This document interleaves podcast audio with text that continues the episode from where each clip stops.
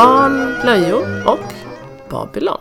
Välkomna till april månads avsnitt av Barn, Barn, blöjor och, och Babylon. Babylon. Yes. Typ, typ, Typ eh, så. synkat. Mm. Ja. Det är Men svårt när man sitter på zoom. Ja, Man kan precis. inte läsa av varandra riktigt. Så. Nej, det är så. Jag är förkyld så då zoomar vi. Ja. Eh, eh, Annika Wilsén heter jag och du heter? Anton Jonsson, barnbiträde. Ja. Du lever ju bland verklighetens folk nu. Ja. Ja, precis. Det gör jag ju. För att jag har ju då slutat vara föräldraledig och Mm. eh, gått in i eh, förvärvsarbetet igen. Så efter att ha vickat runt lite på olika ställen eh, så har jag nu fått en fast tjänst på en förskola. Mm. Eller fast tjänst, det är en vikarietjänst fast den är fast för mig. den är fram till jämfört med sommaren. att eh, inte veta vad man gör från dag till dag så Ja. är det ju skillnad. Mm, vad härligt. Så nu är min officiella titel barnbiträde då. Och det är Mm. ungefär eh, förskolans avskum skulle man kunna, kunna översätta det till. Varken förskolelärare eller eh, Barnsköt- barnskötare. Mm, utan just det. som är utan utbildning. Jag har ju jobbat som vårdbiträde i hemtjänsten. Mm. Ja just Det det. är lite motsvarigt tänker jag. Mm. Jag, jag hade ju ett- på gång ett arbete i vården också. Men då Mm. skulle det inte ens få kallas vårdbiträde utan bara biträde. Jaha, Eh, Så det eh, steget under att vara vårdbiträde. det måste vara lägst i rang. Precis, det är den som man eh, alla, alla har rätt att gå in och spotta i ansiktet på kafferasterna. ja. Och ska man bara tacka och ta emot. Ja men så det känns det är jättekul, det är ett väldigt bra jobb. Vi får prata om förskolan någon gång. ja men det måste vi göra någon gång. Men jag trivs väldigt bra, det är kul med att umgås med barn. Det är bra för själen att vara med barn. Mm. Även andras. Mm. I ännu högre grad andras ibland kan jag tänka. ibland, ibland så också. I, Ja. Ibland är det dåligt för den egna självbilden att vara med sina egna barn mycket. Mm. Eh, för att man märker saker om sig själv som inte är så smickrande. Mm. Man är så otroligt så här um, lågaffektivt bemötande när man är med andras barn. Ja, det är ju så mycket lättare. Ja. Du Anton, hur mycket tycker du man får säga till andras barn? Kommer jag att tänka på. När jobb, när jag jobbar med det så tänker jag att man får säga till mycket. De har, ja, men det är klart, det är lite ens roll då att precis vara delaktig i deras uppfostran på något sätt Mm. under den stunden de är där. Fast offic- officiellt så är, jobb, är jobbet pedagogiskt och inte, och inte uppfostrande. men det är ju mest upp- uppfostrande. Uppfostran ja, och omvårdande, eller hur? Liksom omsorg. Men eh, det känns som att uppfostran är ett sånt ord som har fått mycket negativ eh, klang. Ja, Men jag tycker egentligen att det är något väldigt positivt. Här. ja, Att man fostra gör, ja, man gör sina barn till vettiga personer och samhällsmedborgare liksom. Det, Mm. ja, fostrande. Nej, det är inget, inget fel med det. Men eh, jag tänker att man, jag, jag tänker att vi kanske skulle prata om framöver. Jag har lite Mm. olika idéer på vad som nästa tema skulle kunna vara. Men ett förslag på tema som jag har det är det här med föräldraskap som en sorts eh, någonting som man gör lite självmedvetet omkring folk. Förstår du vad jag menar? Alltså eh, att vara förälder är någonting där man hela tiden känner sig lite, lite iakttagen eller Ja, sådär. Så Mm. man, eh, man... eh, Blicken på sig själv som förälder. Ja, man ser alltid på sig själv utifrån och modifierar sig själv enligt vad man uppfattar som Mm. förväntningarna i rummet sådär. Ja, just det. Och, och så i offentligheten. Mm. Sådär. Så till exempel så tänker jag att många föräldrar är extremt rädda att säga till sina barn Mm. när eh, andra är runt omkring. För man vill inte framstå som en oskön eller eh, sträng förälder liksom. Ja. Nej, men det ligger nog eh, mycket där. Men det, det kan vara ett tema för ett helt avsnitt. Ja. men, jag, men jag tänkte också just där, eh, det var en situation när vi var ute och, och lekte och, och cyklade med barnen. Och sen Mm. hade mitt barn, eh, Efraim, hade lämnat sin cykel och så var det ett annat barn som gick fram och tog den. Och då Mm. gick jag fram och sa, ej, ej, ej, du får inte bara ta cykeln, du får fråga först. Och så vill jag att du ska ha hjälm också. och, och så satte jag på den där ungen hjälmen och eh, hon fick cykla. Men jag tror kanske att det här barnet inte hade så jättegoda verbala förmågor för hon sa inte så mycket. Men, och det var ingen förälder i närheten. Men sådär, får man göra så? Tänkte jag. Men så tänkte jag Mm. samtidigt att om jag inte säger någonting så är det bara som, ja, det är fritt fram och gå och ta cyklarna. Alltså, ja. det, det blev en konflikt mellan man ska alltid dela med sig Och mm. eh, på något sätt så ska man bete sig på ett uppfostrat sätt. Mm. Mm, mm. Ja. Ja, det är intressant det där. Mm. Får man säga till? Ja. Det hoppas jag ändå att man får, eller jag tänker det. Mm. Men det är ju liksom så här, det är obekvämt att säga till andras barn så. Man vill inte gå in i någon annans zon, Nej. eller privata zon. Familjelivets helgd vill man inte kränka. Nej, precis. Lite som vi pratade om i vårt förra avsnitt. Precis, The Haven. Mm. Ja. Nej men det är, är intressant och eh, jag tror att det skulle man kunna ta ett helt avsnitt om också egentligen. Om, om eh, hur, man, hur man uppfostrar varandras barn och sånt. Ja. Men det kan vi prata mer om någon annan gång. Du, eh, du eh, det har hänt mycket sen sist Anton. Jag tänker specifikt i, i föräldraskapet. Ja, ja precis. En sak är ju att Esra växer och är ju mer och mer en liten gossebarn. En, han har ju passerat bebisstadiet och är liksom väldigt mycket en gosse. Mm. Och den större nyheten är ju såklart att vi har fått en dotter! Wee! Som heter Signe Kristina Jonsson. Och eh, hon är väl två månader nu. Sist vi pratades vid, kära barn, blöjor och Babylon Lyssnar. lyssnare så var hon ju ofödd och eh, hon föddes liksom eh, den natten när vi spelade in det här poddsamtalet. Så Mm. det var verkligen på the cusp, på Mm. tröskeln till eh, att hon skulle komma ut. Mm. Så det var inte bara någonting som jag sa för att öka dramatiken utan det var verkligen, det var på Mm. gång. Det är häftigt att få att vara med så nära, på så nära håll på något sätt. Så nu, ja, är hon född, hon är en liten, eh, liten person Mm. som eh, Hon är jättefin. Mm. ligger och kravlar lite med armarna uppåt i luften och gör såna här saker som man gör när man är två och ett halvt eh, månader gammal. Ja, äh, Med- mysigt. Sover hon som en babywisad unge gör? Eh, ja, det gör hon. Hon sover hela nätterna. Så återigen, eh, re, eh, ni får återbesöka det här avsnittet om eh, Babywise och eh, neoprimitivism. Metoder och sånt. Ja. Mm. och så får ni verkligen se då att eh, med facit i hand, ja, Mm. det fortsätter funka. Babywise levererar. ja, jag vet inte vad jag ska säga. Vad ska du säga till ditt försvar? Det Jag tycker jag har försvarat mig nog i det där avsnittet så ni kan, Ja, ni kan lyssna på det. Mm. Ja i alla fall, min favoritstund är de nätter när Amos kommer in och lägger sig bredvid mig. Alltså de nätter han inte gör det tycker jag att det känns tomt. Amos säger att vi har en trippelsäng. Ja, ingen... Först trodde jag, vi läste om någon som hade en våningssäng i tre våningar. Men, Ja. eh, och då trodde jag det var det han menade när han sa trippelsäng. Och det är bara, nej, här är trippelsängen. Och så visade han liksom på Josefs plats och på min plats och på mittenplatsen. Bara, Ja. Tre platser! det var hans lilla plats. Ja. ja. Precis, det låter som en mardröm. Men Babywise hade föräldrar skulle aldrig tillåta att, att ens barn skulle komma in mitt i natten. Nej. Jo, kanske. Ja. Ja, jag antar det. När Esra blir äldre så kan det väl hända. Jo, du hade fått en signe ja. Var det något mer Ja. du ville säga? Mm. Nej, Mm. nej, nej, jag tror inte det. Det betyder att jag jobbar då och Sofia är hemma Mm. eh, igen. Så vi, bytte, vi byts av. Mm. Jag lyckades inte få till det här hellediga året med Esra utan jag bröt av det vid halv, halvtid ungefär. Ja, Så, för det kom en liten bebis i vägen på något sätt. precis.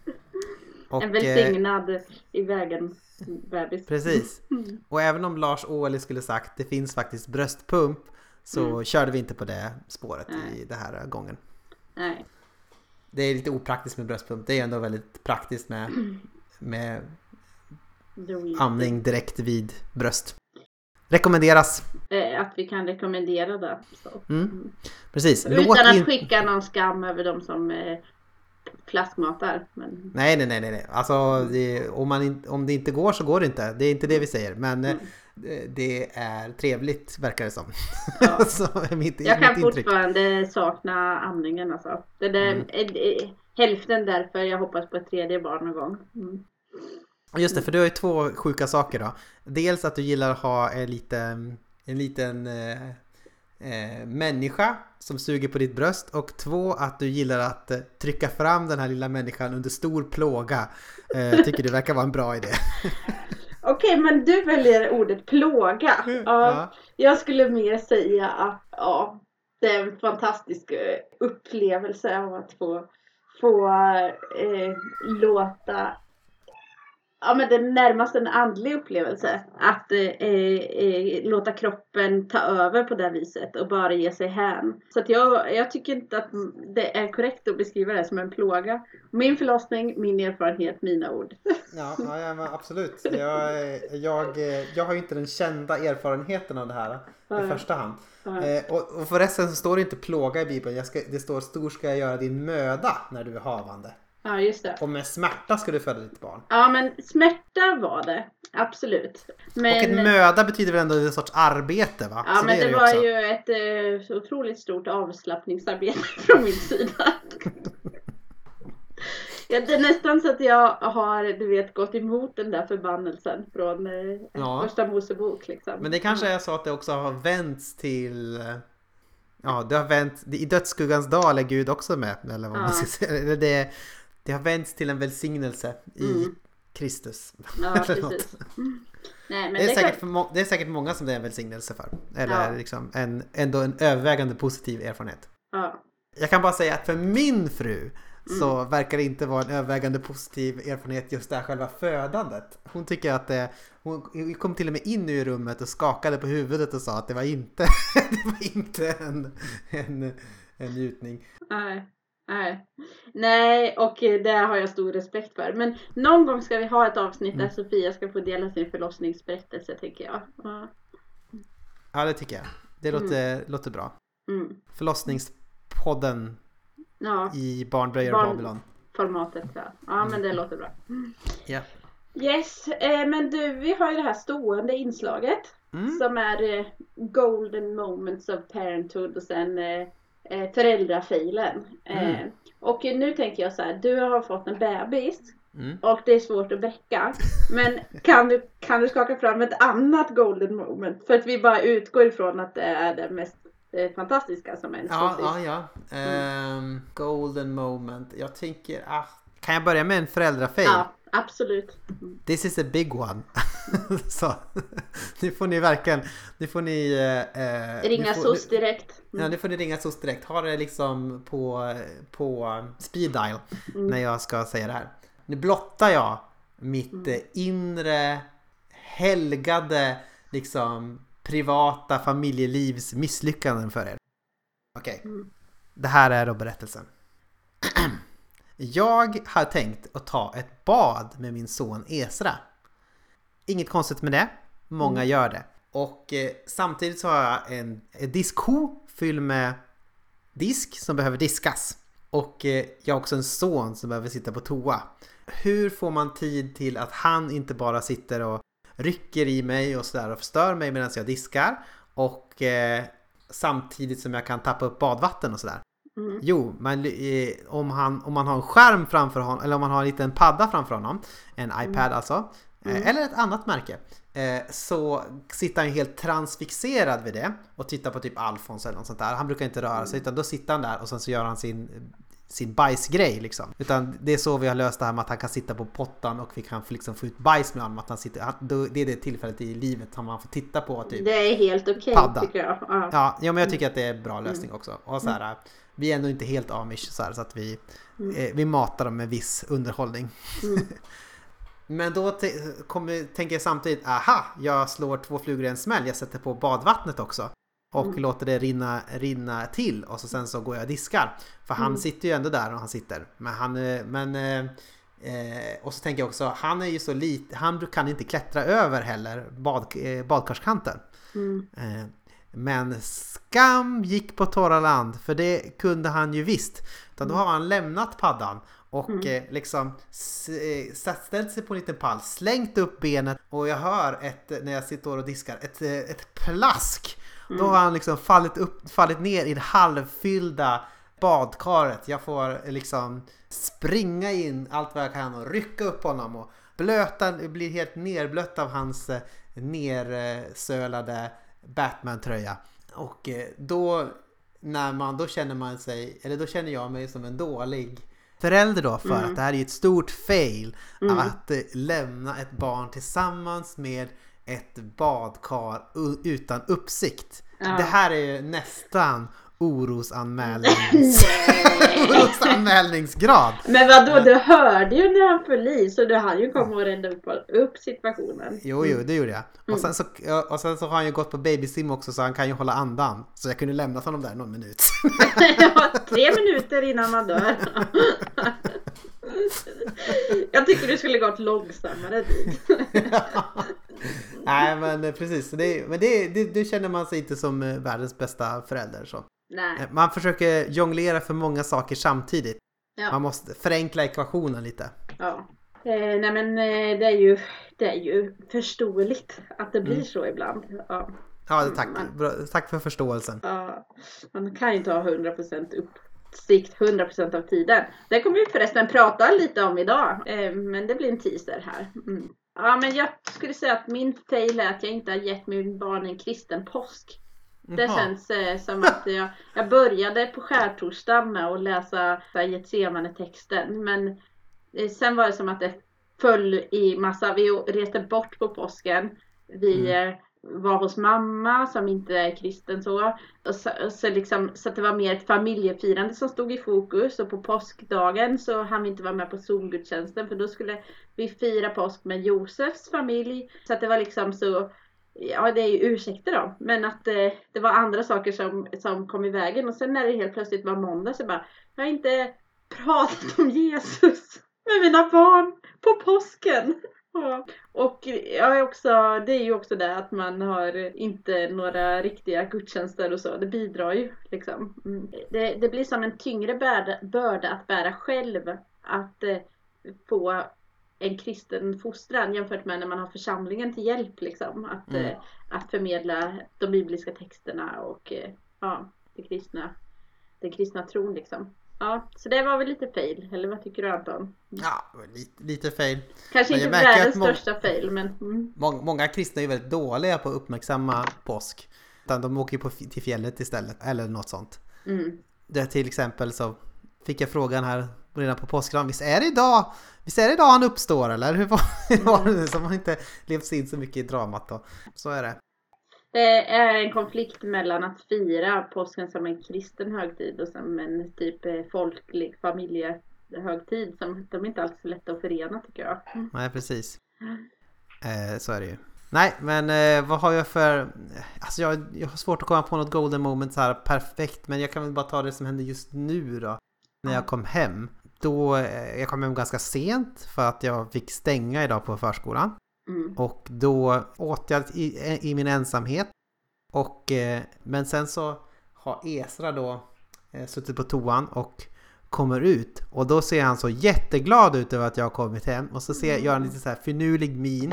Eh, liksom vagga med huvudet fram och tillbaka. Det är en grej som vi brukar göra så för att när vi, man busar så vaggar man lite så här på huvudet och ser lite, kisar lite med ögonen och ser lite lurig ut när man ska göra någonting busigt då. Så gör han det och sen så liksom springer han fram och så, tar han tag i benen så här och eh, liksom kramar om så. Det, han gör det väldigt sällan att han kramar liksom, för det är oftast jag som kraminitiativtagare, man ska säga. Men nu var det han som var kraminitiativtagare, så det var härligt. Det var ett litet golden moment. Ja, vad mysigt. Mm. Det är ju väldigt mysigt när barnen vill gosa tycker jag. Mm. Ja, man brukar säga Du är så gosig mamma. Så kryper han upp så här.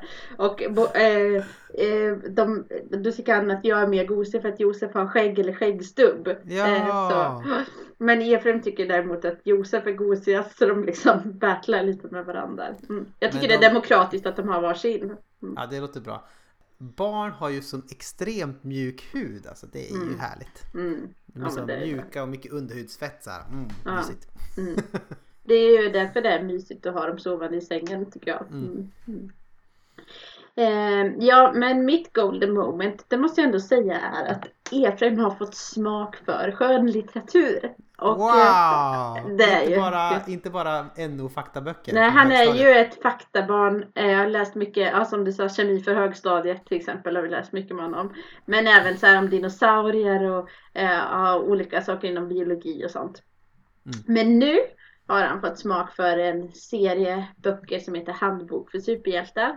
Eh, ja, och de är ju alltså de är jättefint tecknade så här. Sen den litterära kvaliteten kanske lämnar en del övrigt att önska. Men det är fantastiskt att han vill läsa böcker som är sagor. Eh, Och att liksom han vill att jag ska läsa dem för honom, att vi ska låna dem på biblioteket och sådär. Ja. Så jag tänker att nu kanske den porten har öppnat sig för honom. Ehm, så. så då har jag med glädje läst många, flera av de här böckerna har jag läst flera gånger tillsammans med honom. Och så här. Mm. Ja, mysigt. Nu lossnar det, nu händer det. Nu händer det. Mm. Ni, kanske, ni som lyssnar kanske kan gissa då att jag är en sån som själv gillar att läsa och jag väldigt gärna vill överföra det här på mina barn. Han läste väl Matilda också, men tyckte han om den då? Jo men det gjorde han faktiskt, så det har väl lossnat i år kan man väl säga. Mm. Mm. Det är för att det också handlar om ett genibarn. Så det Ja. can relate känner jag. Ja precis, precis, det är väl så. Ja.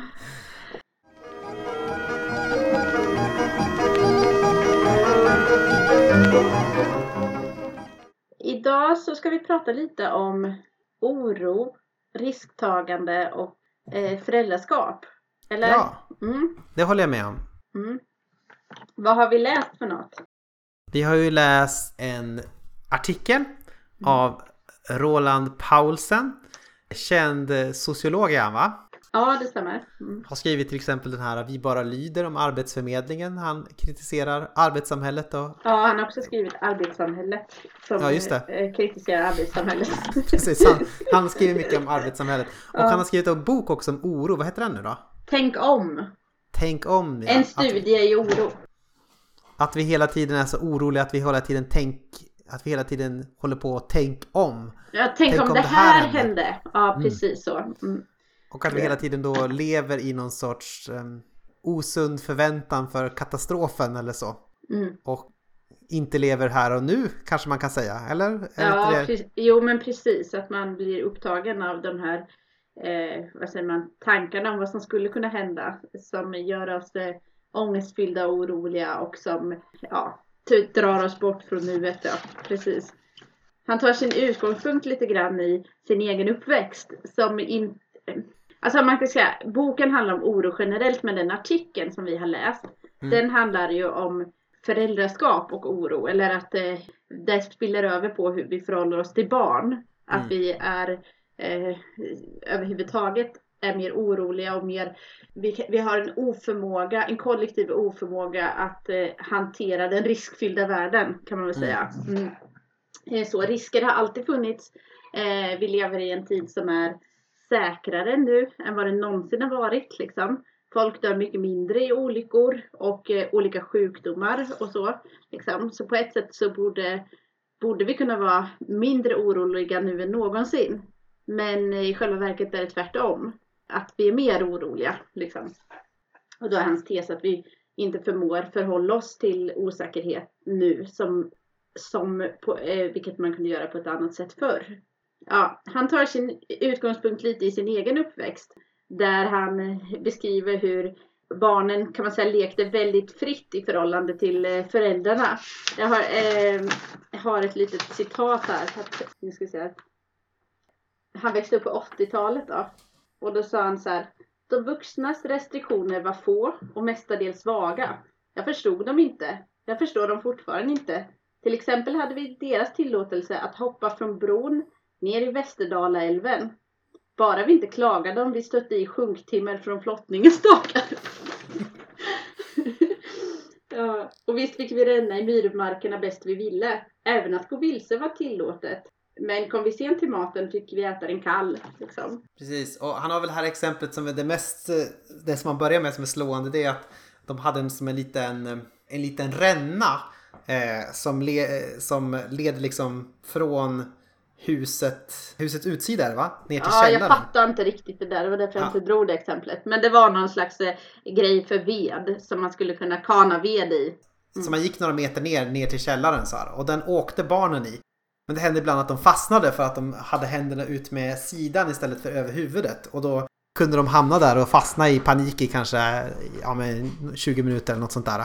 Eh, och blev utfiskade och så kanske då sa bara föräldrarna nej, ja, ni får fortsätta åka här men eh, ni får inte gråta eller något sånt. Nej, men vi plockar aldrig ut er igen om det ja, händer igen. Det var med den. Och då, och då började jag tänka lite på liksom hur det var när man själv var barn. Jag, Mm. jag är, Roland Paulsen är uppvuxen på 80-talet och jag är ju mer uppvuxen på 90-talet då kan man säga. Precis som du. Men Mm. eh, det, eh, det stämmer ju att det var en eh, på många sätt eh, friare tid jämfört med vad våra barn upplever. Nu bodde jag på landet såklart så det påverkar väl också men vi var mycket så att vi ja, men vi sprang, i, vi var mycket i skogen själva liksom och det var ett kärr i närheten där vi lekte jättemycket. Och om man gick ner sig i det där kärret och blev blöt så kanske man fick skäll för att man hade blivit blöt men det var ingen som var orolig för att man skulle typ hamna under ett isflak och drunkna eller något liksom utan Mm. vi skötte oss själva.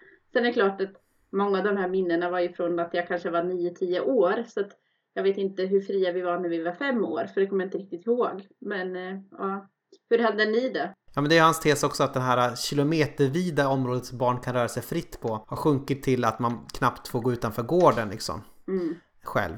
Ja men vi hade också så här att man, vi hade en bäck i närheten och där gick man omkring. Man gick liksom och balanserade på stenar där och även om det var mitt i vintern så gick man och balanserade där och så gick man igenom ibland och då blev kall och så då gick man hem liksom. men eh, det var liksom inte förbjudet att gå där även om liksom var förenat med viss eh, liten fara i alla fall.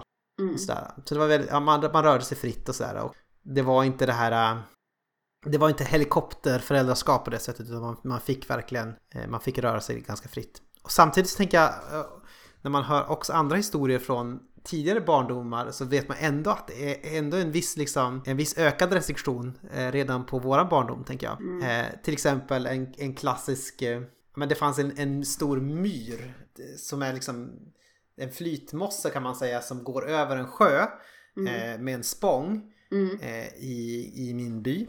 Mm. Och den, där fick vi hela tiden så här väldigt inpräntat i oss man får inte gå under liksom myren eller sådär. Mm. Men det var ju någonting som de gjorde på liksom eh, barn kanske på 50 eller 60-talet eller så här. Gjorde, de liksom dök under den här flytmyren upp på andra sidan.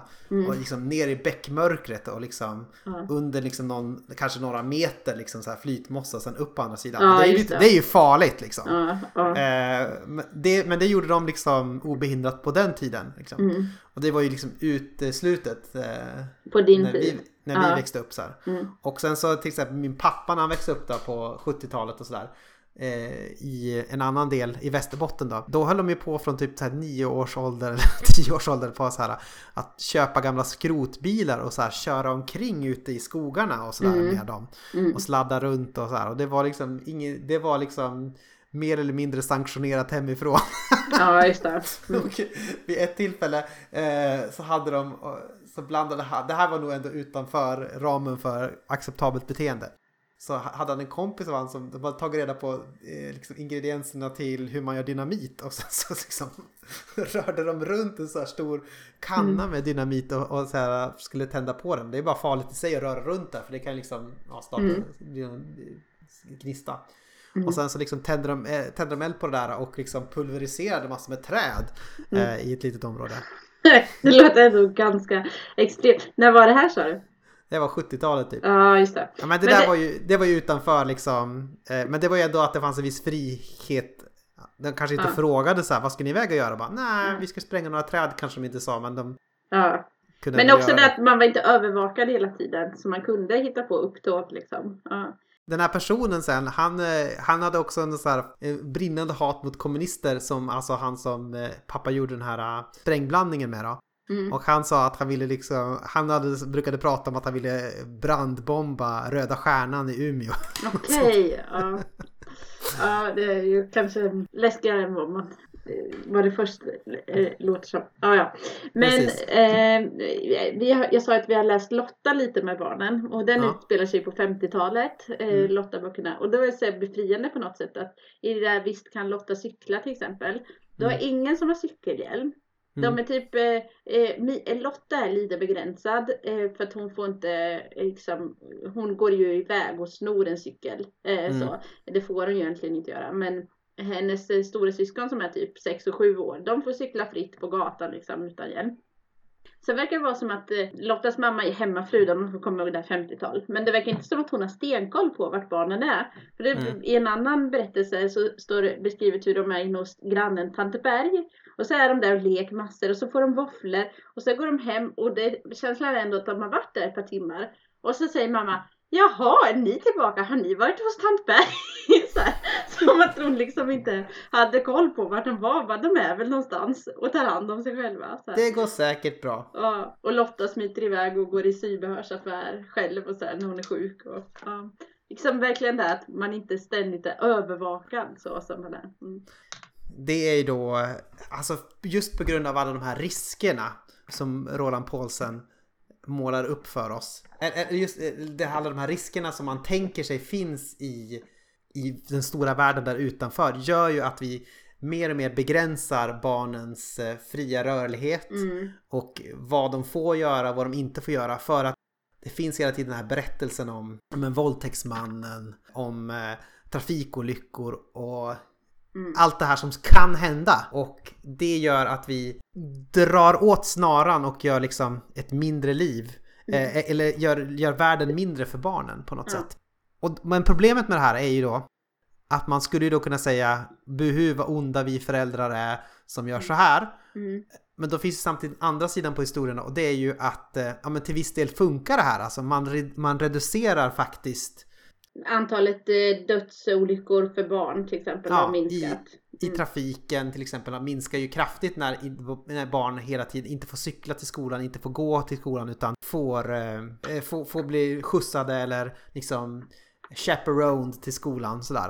Eh, det, gör ju det, gör det säkrare.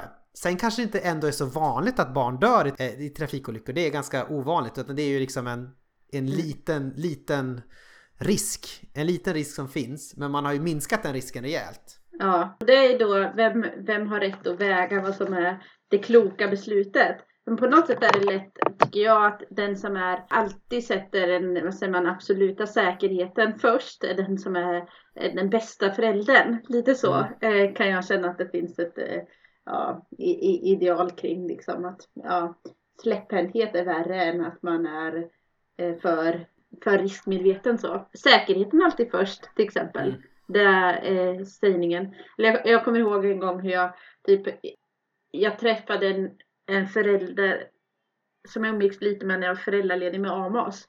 Och så kom vi in på typ bilbarnstolar. Och då så är det så här typ att fram till fyra års ålder så ska barnet sitta bakåtvänt. Sen är det enligt de här experterna okej att vända barnet framåt. Men eh, då så finns det då, eh, eh, de som tycker att man ska fortsätta ha barnet bakåtvänt ända upp till typ sex års ålder. Ja, och då, det visste inte hon som jag pratade med, men vi hade ju vänt Efraim framåt när han var typ tre, ja, lite mer än tre och ett halvt för att lämna plats för Amos. Så. Och hon bara, "Ja, det värsta jag vet är föräldrar som vänder sina barn framåt. Så Den dagen de har fyllt fyra, de ska sitta minst tills de är fem bakåt. Liksom. Och man, och man så här, ska jag säga något, ska jag inte säga något? Jag sa ingenting om det. Jag bara, mm. så. Men liksom att den eh, lilla riskminskningen som det är då från att vara bakåtvänd mot att vara framåtvänd. För vissa är den på något sätt så stor och allvarlig att det typ är en, ett mått på gott föräldraskap. Om man eh, tillåter den risken eller inte. Liksom. Eh, och då kan man säga att, att överhuvudtaget krocka är ju extremt osannolikt. Mm. Och sen att krocka på ett sånt sätt som blir till fara för barnet och sen då att det då dessutom eh, blir sämre för att den är framåtvänd jämfört med bakåtvänd. Den är ju fortfarande fastspänd. Alltså en väldigt, väldigt liten risk att förhålla sig till. Men ändå så är den så stark och levande. Kan man väl säga då för vissa. Eh, det, Precis. det här var ett sånt exempel tycker jag som illustrerar här att eh, ja, den, som, den som minimerar risker ser sig som den eh, bättre föräldern. Så, mm. Ja men visst, så är det ju. Och det har blivit en sorts ingenjör, alltså föräldraskap har ju mer och mer blivit en fråga om ingenjörkonst. Mm. Alltså hur kan jag både socialt göra en social ingenjörskap som minskar barnets riskbeteende och hur kan jag ha så mycket prylar som möjligt som gör att eh, mitt barn är helt säker. Mm. En av de senaste är att vi använder liksom övervakningsutrustning för att se till att våra barn är säkra då. Att vi ger dem en telefon Men med den sluga baktanken att med den här kan jag alltid ha GPS-kontroll över mitt Ja, barn. Att övervaka det, att se att det gör det som är rätt. Mm. Så det, det är ju en sorts mm, övervakningskapitalistmodell som vi har fört in i, barn, i barnuppfostran så för att barnet ska vara säkert. Mm. Tänker vi oss. Att det, inte, att det aldrig ska kunna uppstå en situation där vi inte har full kontroll på barnet och vi skulle kunna ingripa när som helst. Liksom. Så, det, så det har blivit en fråga om ingenjörskap och sådär. Ja. Och det här är också en fråga som om man tänker globalt liksom nu så lever vi i den här eh, pandemin eh, som Mm. bara pågår och pågår. Och då har vi också för att minimera chansen för, för eh, ohälsa och död så har vi ju många samhällen i Europa eh, och så stängt ner, ja hela världen har ju stängt ner Mm. sina samhällen totalt liksom och sådär. Och eh, inför en ganska hård kontroll av sina medborgare. Och det, är, det funkar ju. För det drar ju ner eh, smitttalen och, eh, och antalet döda. Mm. Och så finns det då några enstaka kritiska röster som säger så här att ja, men det här för ju in ett sorts prejudikat för gränslös kontroll av sina medborgare i säkerhetens namn. liksom. Mm. Mm. Att vi måste se till att alla är säkra till varje pris och Mm. om det liksom innebär att vi liksom skär ner på alla medborgerliga fri och rättigheter kan vi göra det. Mm. För till exempel den här filosofen Giorgio Agamben då eh, som till exempel Paulsen tar upp i den här artikeln lite grann. Mm. brukar ju säga det att vi har skilt mellan ett biologiskt liv Mm. och ett och det som gör oss levande.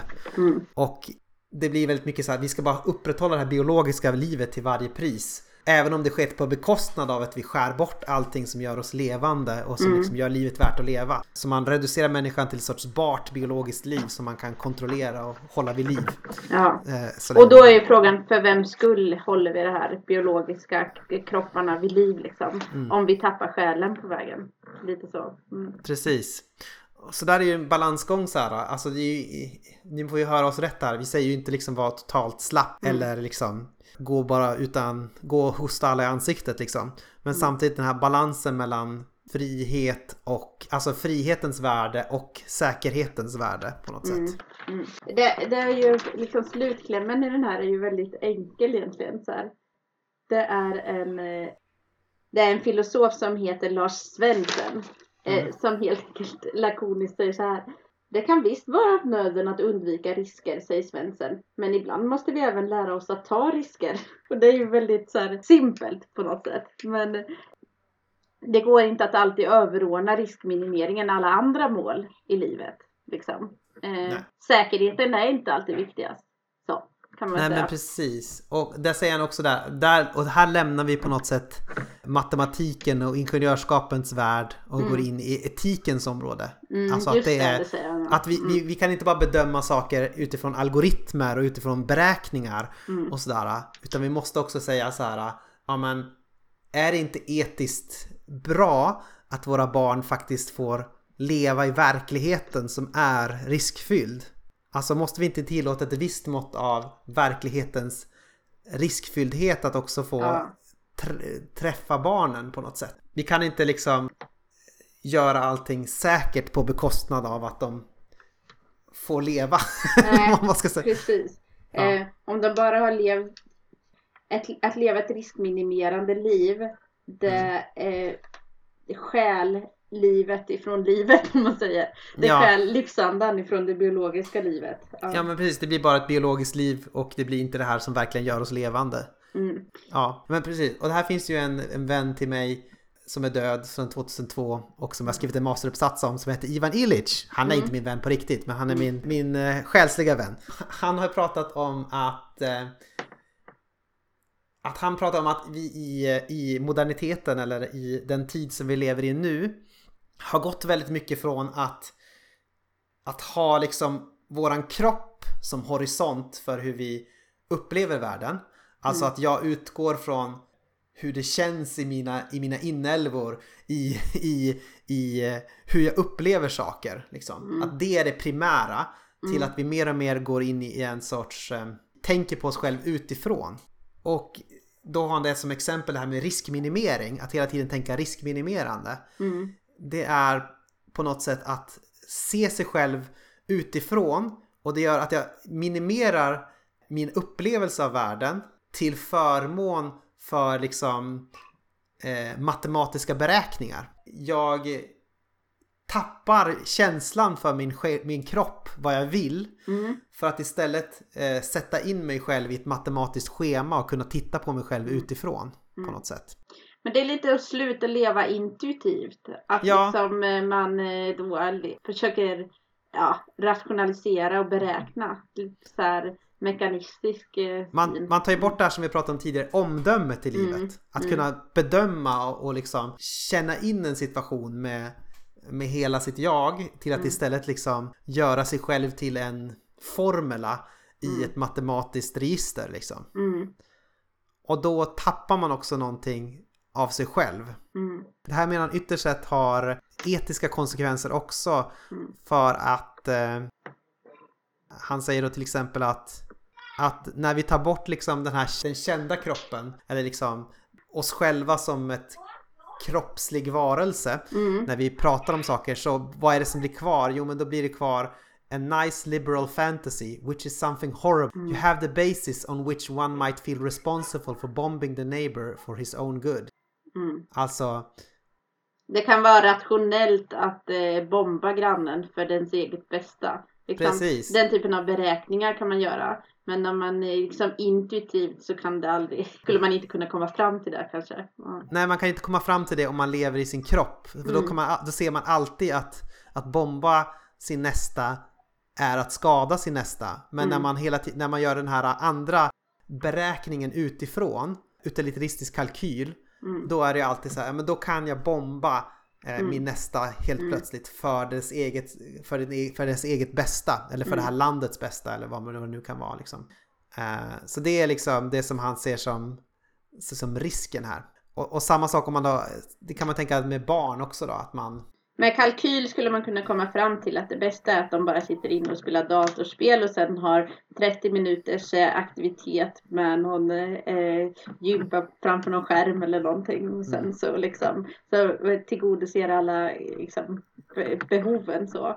Men på något sätt intuitivt förstår man att barnen måste ja, Precis, man skulle kunna möta vara- världen så som den är. Ja. Man skulle kunna låta dem leva i Alltså att lite fängelsemiljö, att de får gå ut på en rastgård så med höga murar och eh, rasta sig själva i 45 minuter och sådär. Men eh, det vet vi ju att vi må, på något sätt känner man också att de måste få, leva, de måste få uppleva verkligheten så. Ja.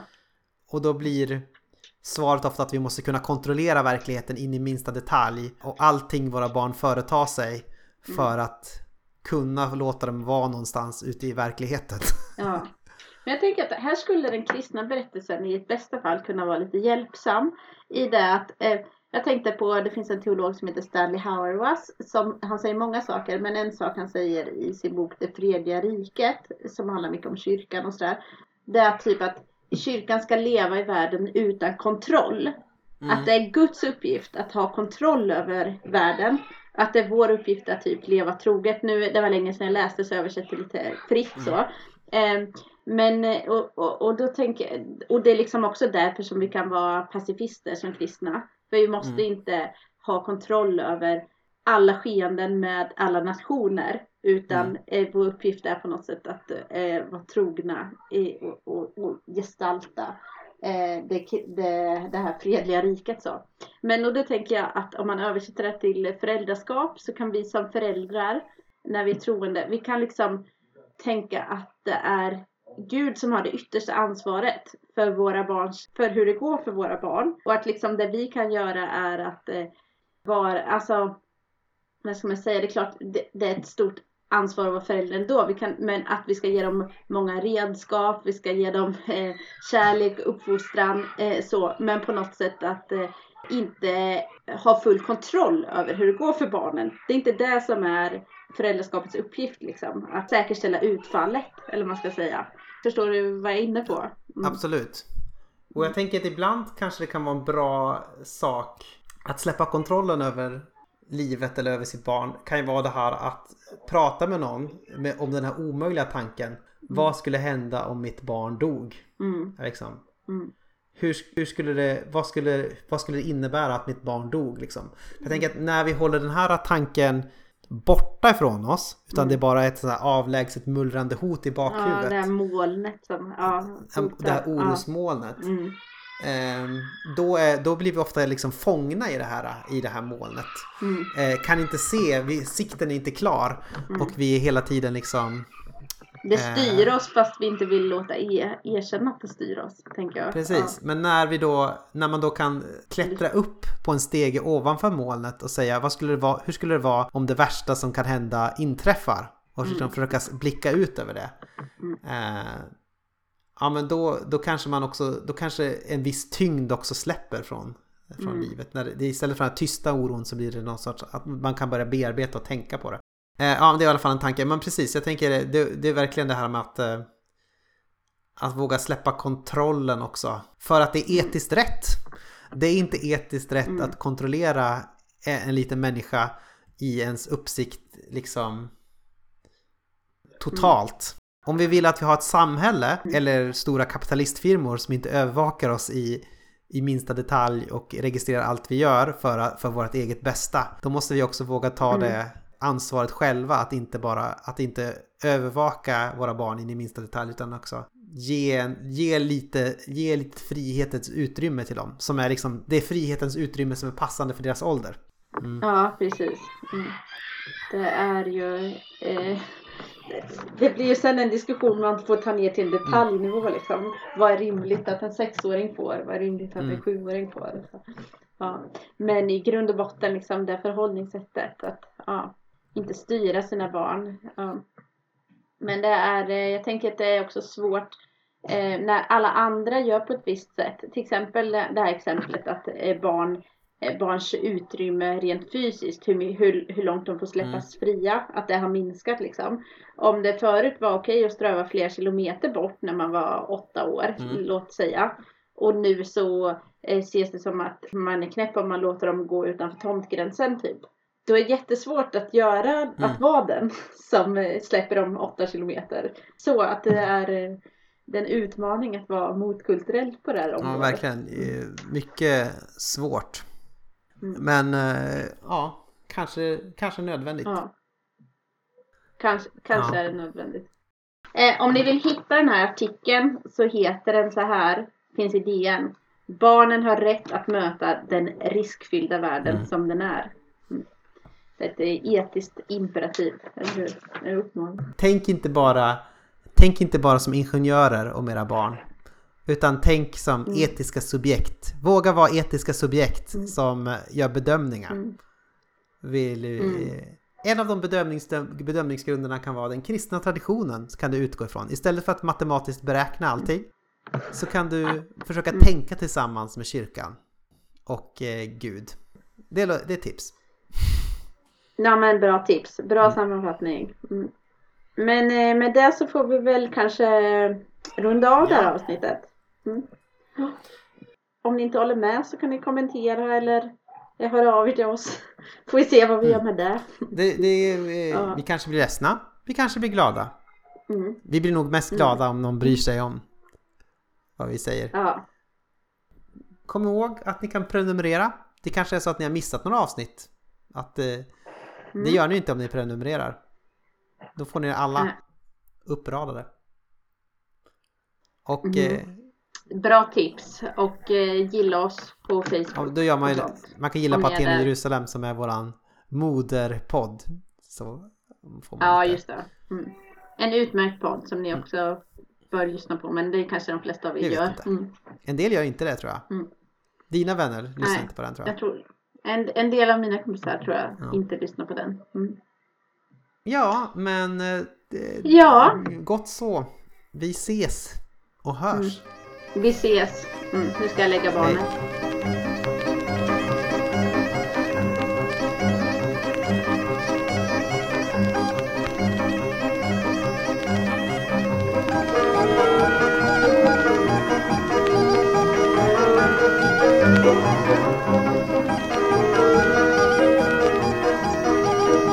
Barn, Blöjor och Babylon.